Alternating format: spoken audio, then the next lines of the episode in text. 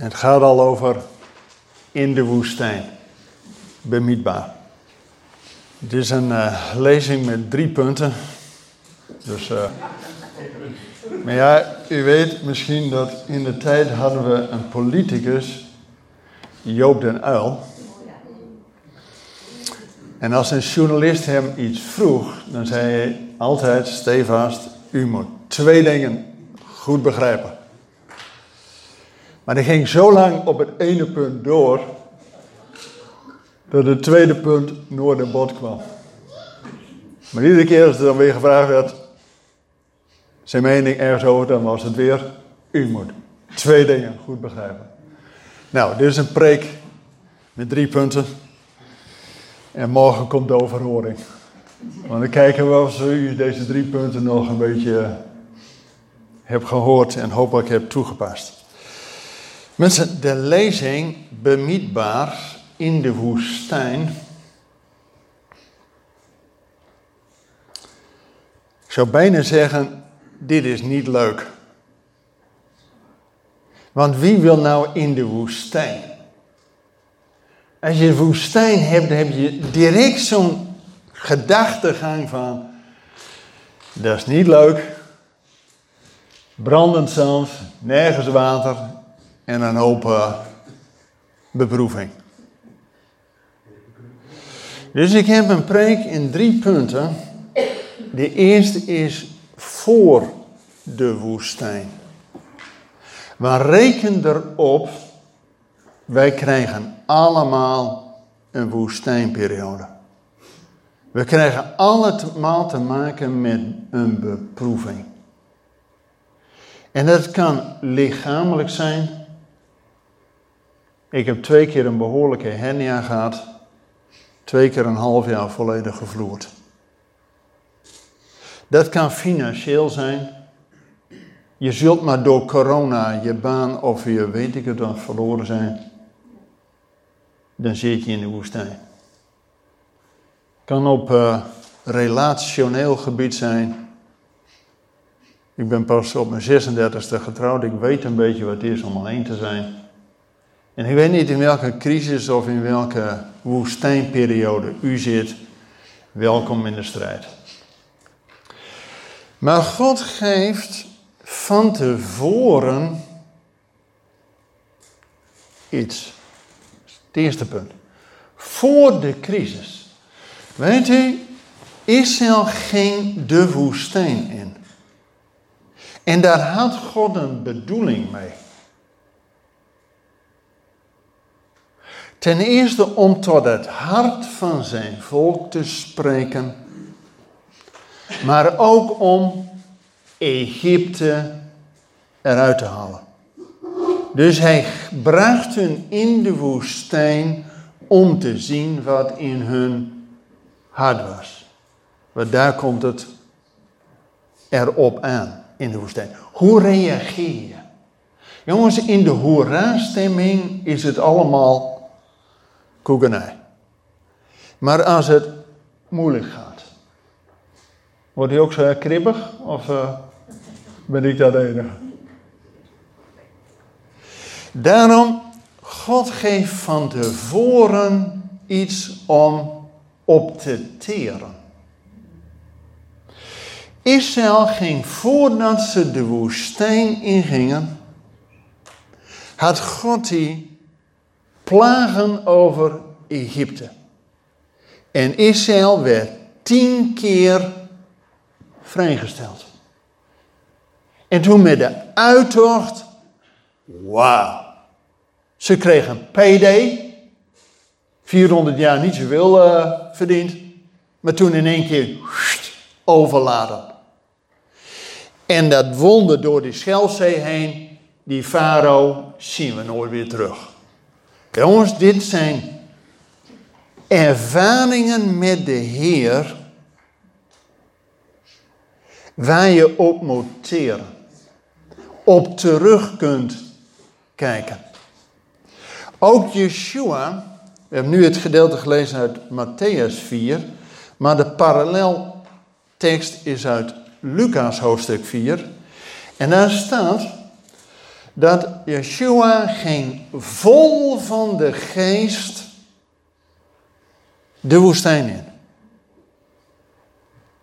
Hij was net gedoopt in water en de geest van God in de vorm van de duif kwam op hem en die stem van God, niet alleen voor hem, voor iedereen, duidelijk hoorbaar, dit is mijn zoon, mijn geliefde, hoort naar hem. Wauw. Top ervaring. Dus ook Yeshua kreeg zo'n ervaring mee en dan in de woestijn. Nou, even over Israël. Als we dit lezen uit Numeri, bemidbaar, dan staat daar in het tweede jaar van de uittocht. Op de eerste dag van de tweede maand in het tweede jaar nadat ze uit Egypte waren vertrokken. Eerst even de situatie. Ze waren met Pesach, het eerste jaar, bevrijd. Hadden ze al die wonderen van God gezien. Wauw. En God leidde hun door de woestijn naar de Sinai toe. Waarom? Om een huwelijk met zijn volk aan te gaan. En onderweg van Pesach naar Shavuot, van uittocht naar die volgende topervaring, ging God hun leiden. Ochtends was dat manna, je hoefde maar je tent uit te komen en je keek, was dit? Manna, was dit. En s'avonds, je hoefde maar voor je tent te zitten, die kwartels die vielen pal voor die tent neer. En water uit de rots. Dus jongens, God voorzag. Ook al ben je in de woestijn. God voorziet. Maar nu komt hij, en dat was het, het lied, was echt to the point. Dat wanneer het ons goed gaat, we hebben een topervaring gehad van die uittocht in die Schelzee. Jongens, dat wordt het eerste lied in de Bijbel gezongen, hè? De Heer is mijn sterkte en mijn psalm. Hij is mijn tot, hij tot Yeshua geweest. En die Yeshua die ging met hem mee. Water uit de rots. Amen. Maar die tegenstander zit nooit stil. Toen in de vorm van Amalek. Die wou voorkomen dat Israël, het volk van God, in de bestemming kwam. Want met Shavuot, verbondsluiting, gaat God zijn volk tot een koninkrijk en tot priesters maken, een volk als een persoonlijk eigendom voor de Heer. En gaan in een verbond, een huwelijksverbond met zijn volk aan. Nou, die tegenstander heeft dat door. En die wil dat voorkomen. Dus die gaat via sneaky de achterdeur. En Israël was nog niet voorbereid. Want nu pas, nummer 1, dan ben je dus een jaar verder, dan moet het leger geteld worden. Om op te stellen als ze moeten vechten. Maar het eerste jaar was ze nog totaal niet voorbereid. Maar Mozes heeft door dat het natuurlijke en het geestelijke bij elkaar horen. En hij stuurt Josia op pad om te vechten in de dal tegen die Amalekieten. Maar Mozes gaat de berg op. En die neemt Aaron en Hur mee. Weet u, met de staf gods omhoog en als hij moe wordt. Aaron en Hur houden hem omhoog. Weet je dat driemanschap, Mozes en Aaron en Hur. Mozes was de leider, de profeet. Aaron is de priester. En Hur was de stamvader van Juda, waar later de koningen uitkomen. Dus dat driemanschap die de staf Gods hoog hield, was profeet, priester en koning. Mensen, als we dit doortrekken naar Yeshua, hij was in de eerste plaats profeet, al in alles wat hij zei. In zijn sterven en opstanding was hij de hoge priester. En hij komt spoedig terug als koning. En nu heeft hij voor ons de staf Gods op, in die zin, wij hoeven maar een half woord te bidden en hij legt het volmaakte gebed voor de troon van de Vader neer. Amen of amen. Ik geef u geen keus. Nee, want dat is niet om over te stemmen, maar is om zeker te weten. Dat wij een voorspraak in de hemel hebben en Hij vult ons met zijn geest, zodat wij de overwinning kunnen behalen. Alleen, voor de crisis is het zaak om de dingen van God die God in ons leven heeft gedaan, te herinneren. Ik was deze week bij de Israëlische ambassadeur om uh, Yom Ha'atzmaut te vieren, om te gedenken. Weet je, Israël heeft heel duidelijk dat we moeten herinneren. En iedere keer dat we de daden in het verleden in herinnering moeten brengen. Waarom? Dat we niet van depressie naar depressie gaan, van woestijn naar woestijn, maar dat God ons helpt om de daden van God die in het verleden heeft gedaan, ons te herinneren. En daarmee gaat God ons voorbereiden om in die woestijn het vol te houden. En in die woestijn wil, jongens, woestijn, dat is chaos, weet je wel? Dat is tohu wabohu, het Hebreeuws. Weet je wat het eerste is wat God heeft gedaan? De aarde, hè, in het begin heeft God de hemel en de aarde gemaakt. De aarde nu was woest en ledig en duisternis was op de overvloed. Wat is het eerste wat God zegt?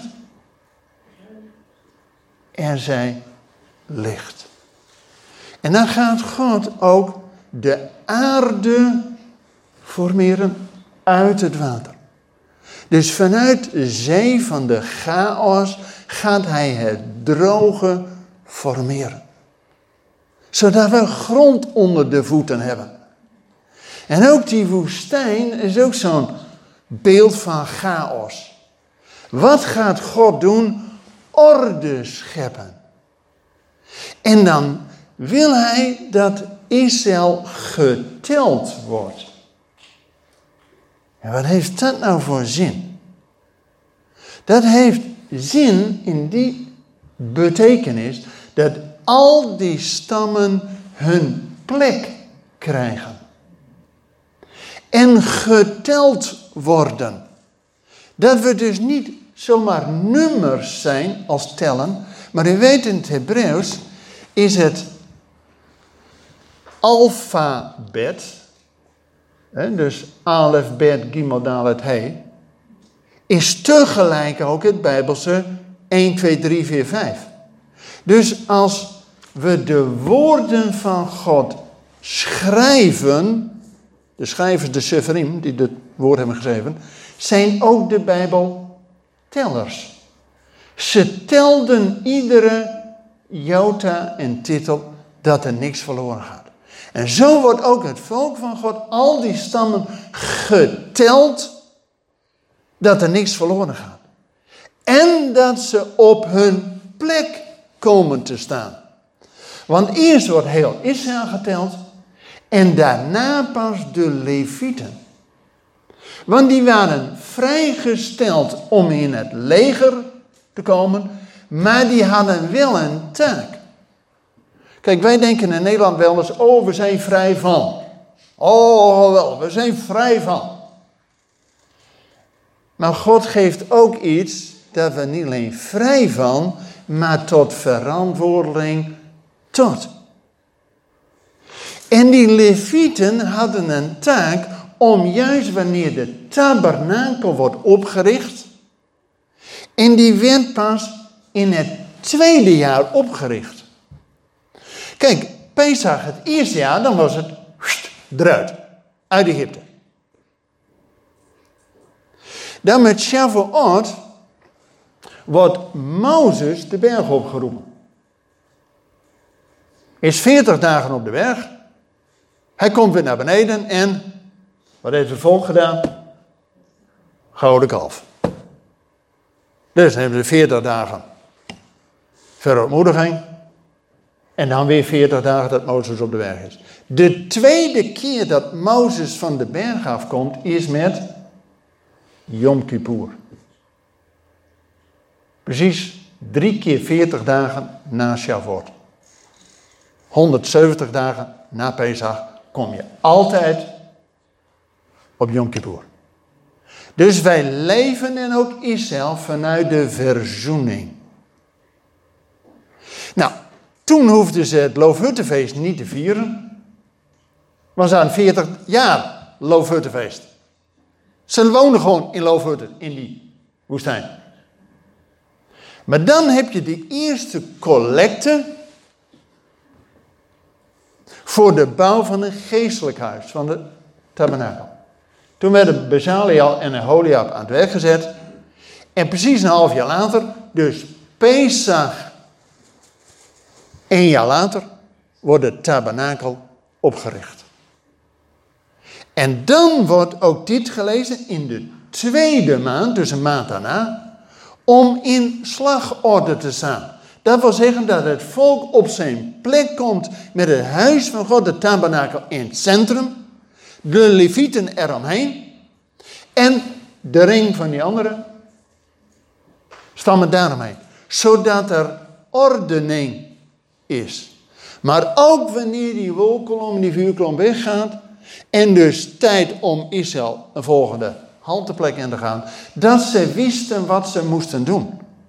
De levieten waren verantwoordelijk om alles van die tabernakel mee te nemen en de rest om heel het volk mee te nemen. Dus het ging in ordening. God is een God van ordening. En die les moeten we soms door alle moeilijkheden heen leren. Dat juist in die woestijn wil, is iemand wel eens in Israël geweest in de Negev of in de Sinaï? Vast wel eens, hè? Nou, toen ik daar 30 jaar geleden voor het eerst kwam, dacht ik, nou, je hebt een beeld, hè? We hebben allemaal beelden, hè? Ik had een beeld van de Sahara. Daar ben ik ooit eens een keer geweest, 40 jaar geleden. En als je dat beeld hebt, denk je, ja, brandend zand nergens water. Maar als je dan voor het eerst in de Negev komt, of later in de Sinai, daar is best te leven. En je moet wel weten hoe. En Mozes had al 40 jaar ervaring opgedaan zodat hij het volk kon leiden van plek tot plek. Dus in die woestijn en soms ook in de woestijn van het leven, God wil ons leiden van oase tot oase. En weet u, al die oaseplekken wil God ons iets leren. Weet niet wat u allemaal in uw leven aan lessen geleerd hebt maar dat gaat vaak door moeilijkheden heen. Dat je weer eens onderweg bent in zo'n dorre plek. Denk, oeh, wat krijgen we nou? En dat je af en toe weer eens even tot rust mag komen op een oaseplek. Dat God je de dingen doet herinneren, zodat het gaat landen. Kent u dat? Of uh, moeten we eerst nog eens even uh, de woestijn in? Nou, dat is niet leuk hoor. Jongens, je gaat niet voor je lol, ga je de woestijn in. En ik van, nou, laten we weer eens een portie. Uh... Maar als je erin zit, dat je, weet je, ook Yeshua, die ging vol van de geest de woestijn in. En daar had hij de drie beproevingen. En ook Israël in de woestijn ging God beproeven wat er in hun hart was.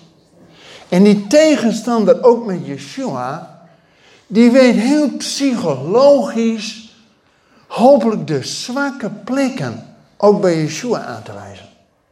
Dan weet hij bij ons feilloos. Maar Yeshua gaat drie keer antwoorden, niet op basis van emotie, of op basis van, nou, ik zal die tegenstanders even. Nee. Weet je wat hij geleerd heeft? Dat hij gaat antwoorden op grond van de beloften in het woord van God. Drie keer toe zegt Yeshua een tekst uit Deuteronomium. Weet u trouwens waarom Deuteronomium? Help mij even. In Israël begin je op je derde met de Torah te lezen. Weet u waar ze mee beginnen? Met het eenvoudigste Hebreeuws. En dat is in de samenvatting van de Torah. Deuteronomium. Dat zelfs een kind kan weten dat je God moet dienen en niet iets anders. Dus Yeshua herhaalt gewoon wat hij vanuit zijn kindertijd al geleerd heeft. Je moet God dienen boven alles. Dus die tegenstander die probeert een zwak plek van, oh, dat je machtig kunt zijn, of al die koninkrijken, wat dan ook. Yeshua antwoordt gewoon, er staat geschreven. En weet u, Yeshua ging zelfs vol van de geest de woestijnen.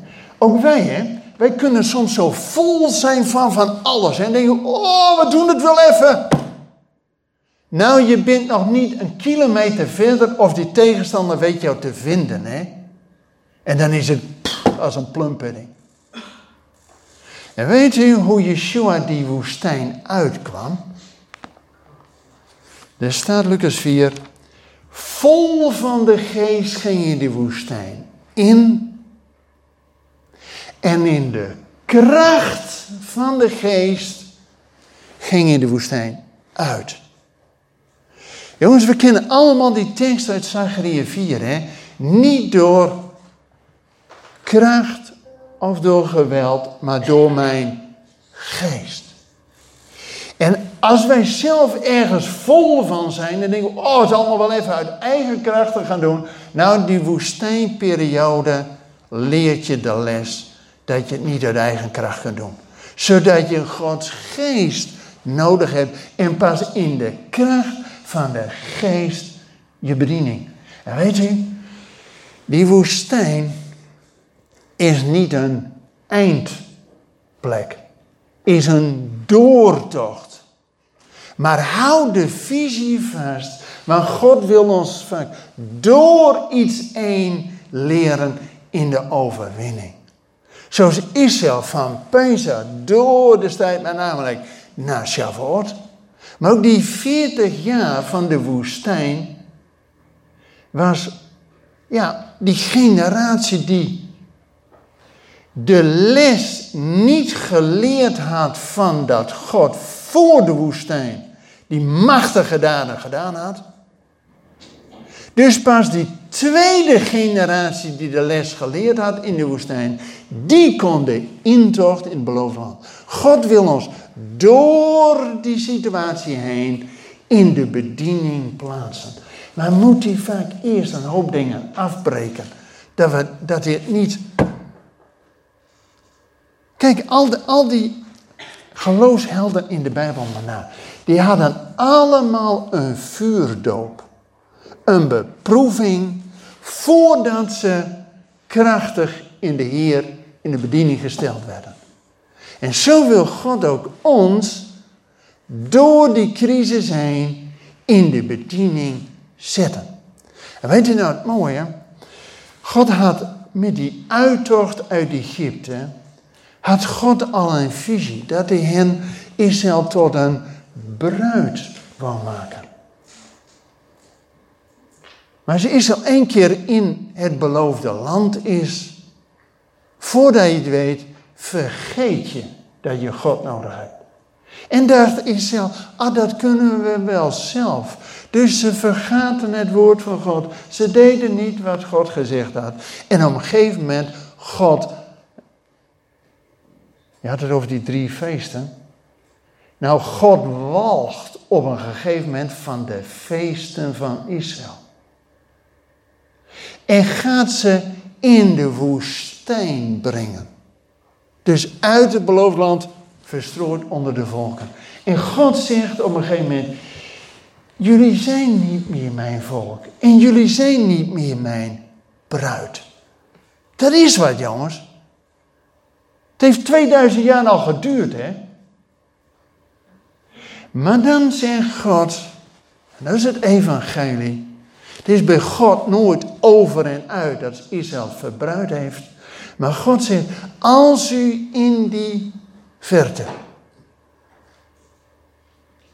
je de daden van God weer herinnert en je omkeert, bekering, dan zal ik je niet alleen weer terugbrengen naar het land, maar ik zal je weer tot bruid werven en dan voor eeuwig. Hoe lang duurt eeuwig?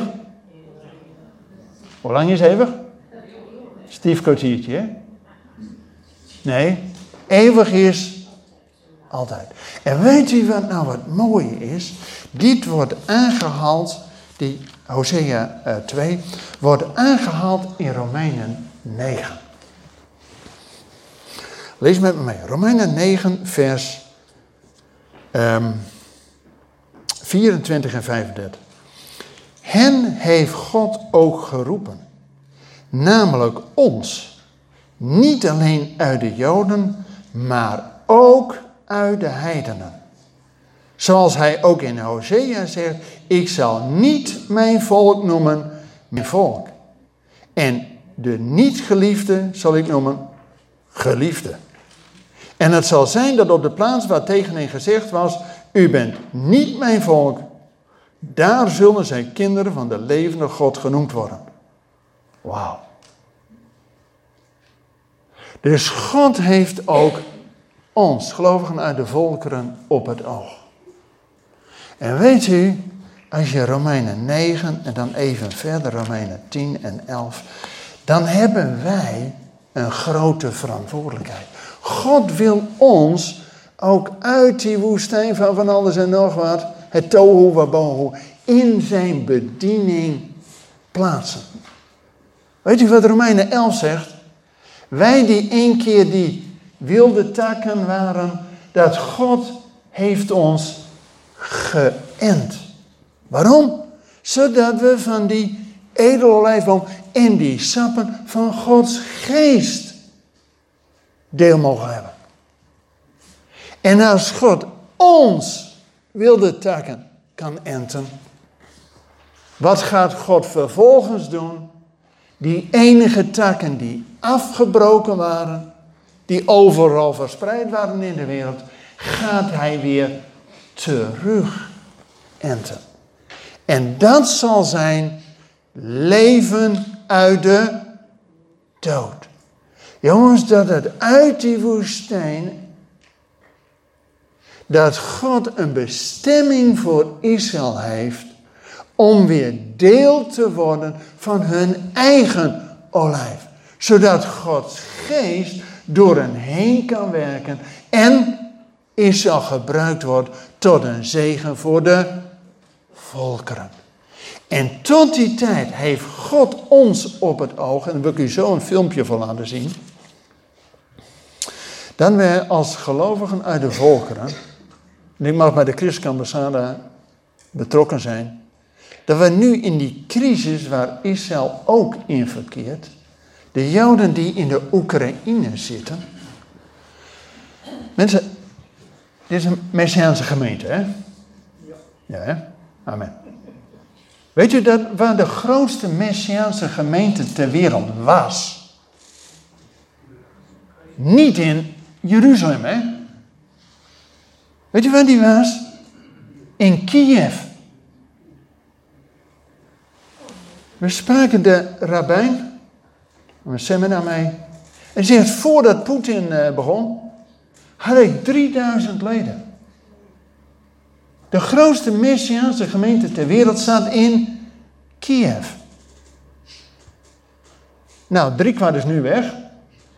Die doet evangelisatie in Lviv en weet ik wat. En een deel is nu naar Israël. Jongens, de Messiaanse gemeente in Israël groeit als kool, hè? Mede door Oekraïne. En wij mogen als gelovigen uit de volkeren hen uit de Oekraïne, uit die chaos daar, brengen naar het beloofde land. En dat is natuurlijk eerst fysiek, maar we bidden dat ook Gods geest overheen komt. Zodat het een leger van Joden gaat worden. Weet je wat Joden betekent? Godlovers. Dan gaat Trianka achteraan. En dan gaat Israël voorop. Om de Heer te loven en te prijzen. En weet u, wanneer dat gebeurt, dan is de dag spoedig nabij. Dat wij vanuit die woestijn, dat we geleerd hebben loven de feest te vieren, want ja, dat, we wonen alleen maar de loofhutjes. Maar dat we dan in het beloofde land het loofhuttenfeest gaan vieren. En dat is het profetische feest. En dat heeft alles te maken met de wederkomst. Yeshua is nu al profeet en priester, maar hij komt terug om als koning te regeren. Weet u waar hij gaat regeren? Niet hier in Apeldoorn. Ja, bij mij in Zolder denken ze allemaal dat hij op dag niet de berg terugkomt. Want ja, dat is natuurlijk toch de berg bij Zolle. Nou, de Bijbel is duidelijk. Zijn voet zal gezet worden op de Olijfberg, ten oosten van Jeruzalem. Waarom ten oosten? Omdat daar de zon op komt. Hij is de blinkende morgenster. En weet u wanneer dat, dat gaat gebeuren?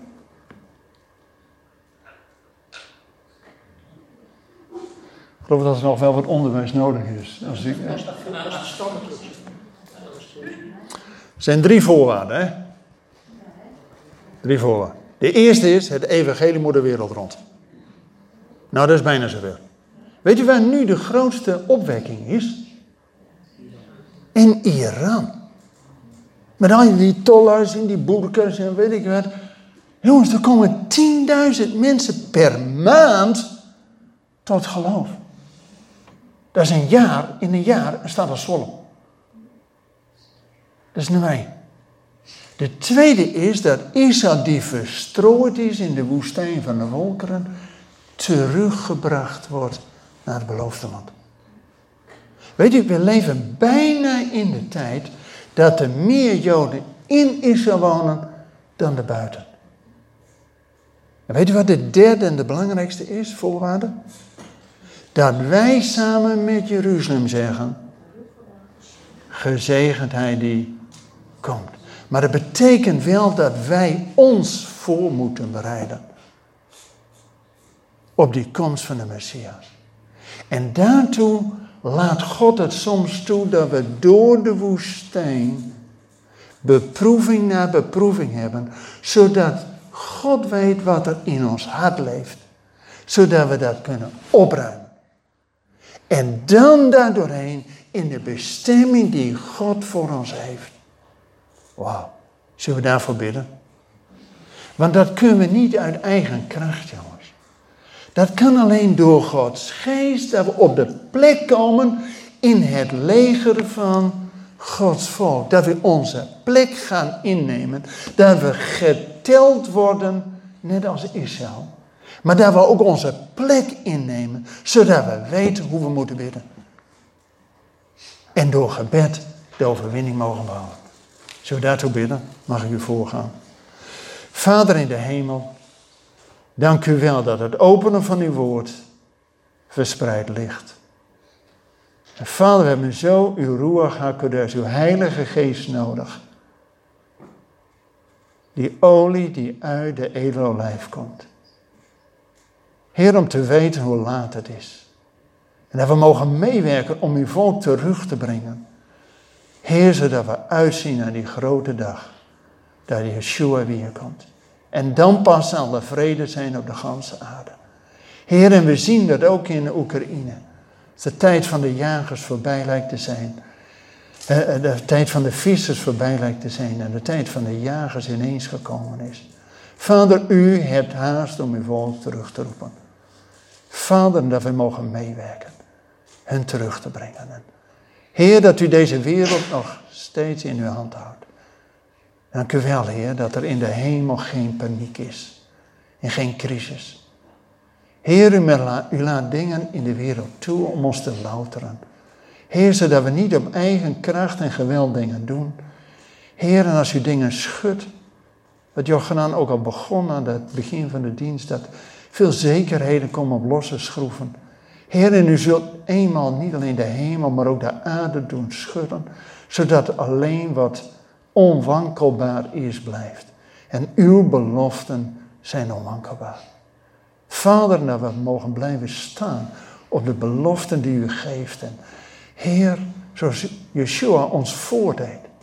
Om de tegenstander, al die beproeving te lijf te gaan met het woord van u. Heer, dat hij in de kracht van uw geest in een bediening geplaatst hebt. Vader, zo wil ik ook binnen voor deze gemeente. Heer, in welke situatie ons we ook bevinden. Heer, dat we ons de grote daden vanuit het verleden, dat u in ons leven gedaan hebt, herinneren. Heer, en dat we niet bang zijn voor alle dingen die op ons pad komen, maar we de hoop en de visie vasthouden. Dat u, ja, met ons tot een goed einddoel komt. Van alles wat u met ons bent begonnen, zult u voltooien. Tot de dag van onze Heer en Heiland. Vader, zegent u ons en ook deze gemeente. Heer, dat we soms ook door moeilijkheden heen gaan, maar dat we de hoop vasthouden. In de wereld is geen hoop. Maar de wereld ziet met rijkhandelsstand verlangen uit naar het openbaar worden van de zonen en dochter van God. Vader, wij mogen die zonen en dochter van u zijn. Wij mogen lichtend licht en zoutend zouden deze wereld zijn. Vader, zegent u ons. In Yeshua's naam. Amen.